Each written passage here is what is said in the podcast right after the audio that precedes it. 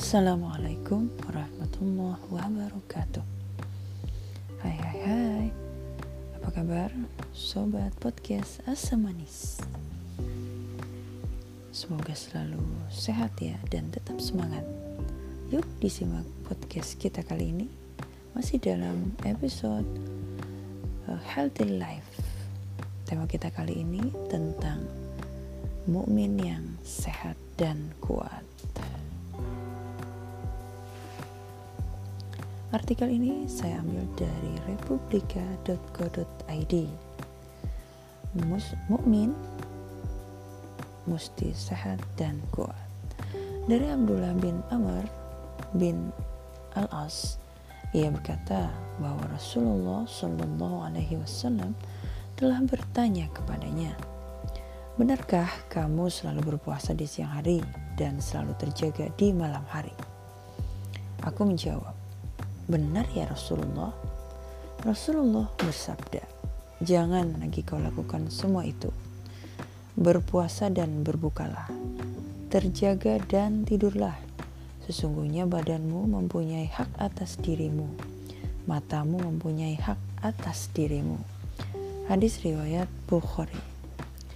Larangan Rasulullah sangat beralasan. Berlebih-lebihan dalam beribadah hingga mengesampingkan kondisi fisik akan berdampak pada kesehatan dan selanjutnya akan mempengaruhi kualitas hidup dan ibadah seseorang. Islam memerintahkan umatnya untuk menjaga kesehatan. Bahkan Allah akan meminta pertanggungjawaban atas pemanfaatan nikmat tersebut. Sebuah hadis riwayat Tirmizi mengatakan, Pertanyaan pertama yang diajukan kepada seorang hamba pada hari kiamat kelak mengenai kenikmatan dunia adalah Bukankah aku telah memberimu badan yang sehat? Hadis riwayat Tirmizi. Namun menurut Rasulullah SAW dalam salah satu hadis riwayat Bukhari, kesehatan adalah satu dari dua kenikmatan yang mampu memperdaya manusia satu kenikmatan lainnya adalah waktu luang. Karena itu, beliau tak sedikit memberikan contoh dan wejangan agar umatnya memperhatikan kesehatan. Salah satunya dengan olahraga. Nah, Oke kan? Nah, di antara ragam permainan yang ada, Rasulullah mengajarkan eh menganjurkan maksudnya, menganjurkan renang dan memanah. Dari Ibnu Umar Rasulullah, Shallallahu Alaihi Wasallam pernah bersabda, ajari anak laki-laki berenang dan memanah, dan ajari menggunakan alat pemintal untuk wanita. Hadis riwayat Al Baihaqi.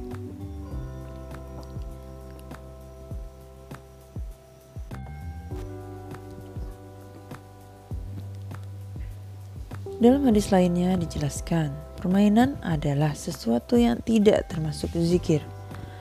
Namun Rasulullah mengecualikan permainan berkuda, lari dan berenang. Dari Atok bin Abi Rabbah, beliau berkata, saya melihat Jabir bin Abdurrahman dan Jabir bin Amir al-Ansori sedang bermain panah.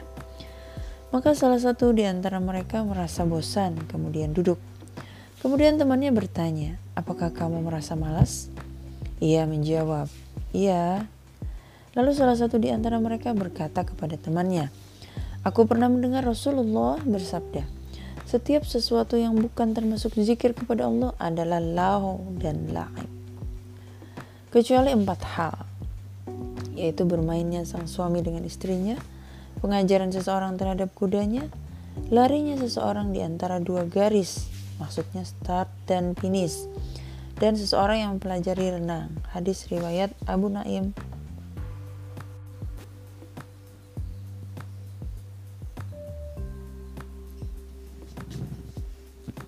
Istri Rasulullah Aisyah radhiyallahu anha punya cerita tersendiri mengenai permainan lari.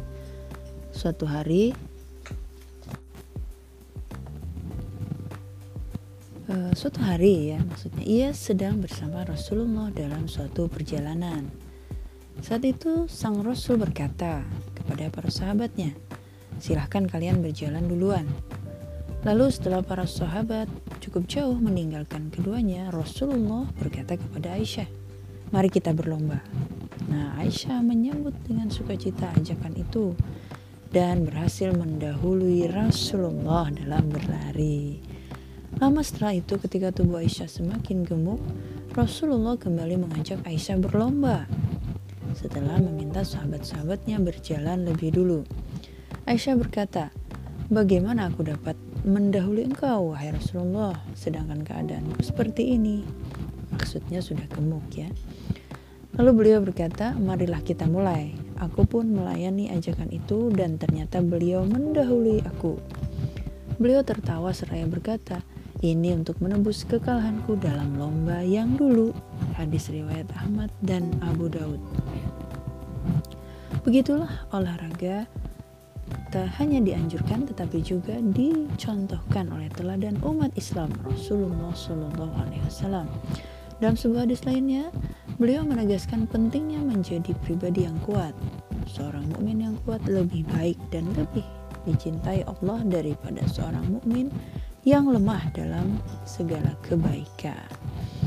Bahkan beberapa ulama memiliki tubuh yang kuat dan sehat sampai usia mereka telah tua. Ini adalah bentuk penjagaan Allah pada mereka. Jadi orang-orang yang mukmin itu berusaha untuk kuat dan sehat ya.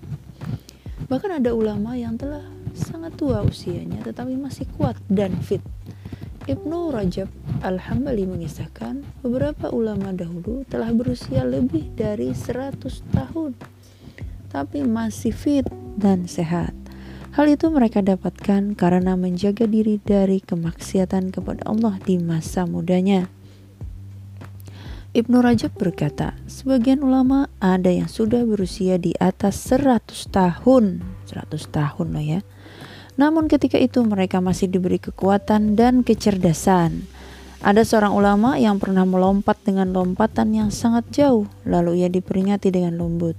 Ulama itu kemudian mengatakan, Anggota badan ini selalu aku jaga dari perbuatan maksiat ketika aku muda.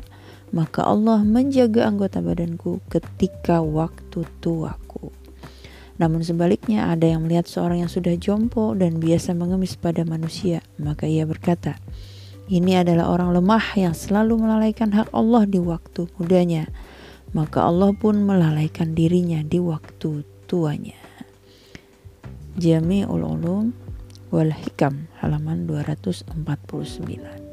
Demikianlah maksiat dan dosa tidak hanya berpengaruh terhadap hati dan keimanan, tapi juga terhadap tubuh ya.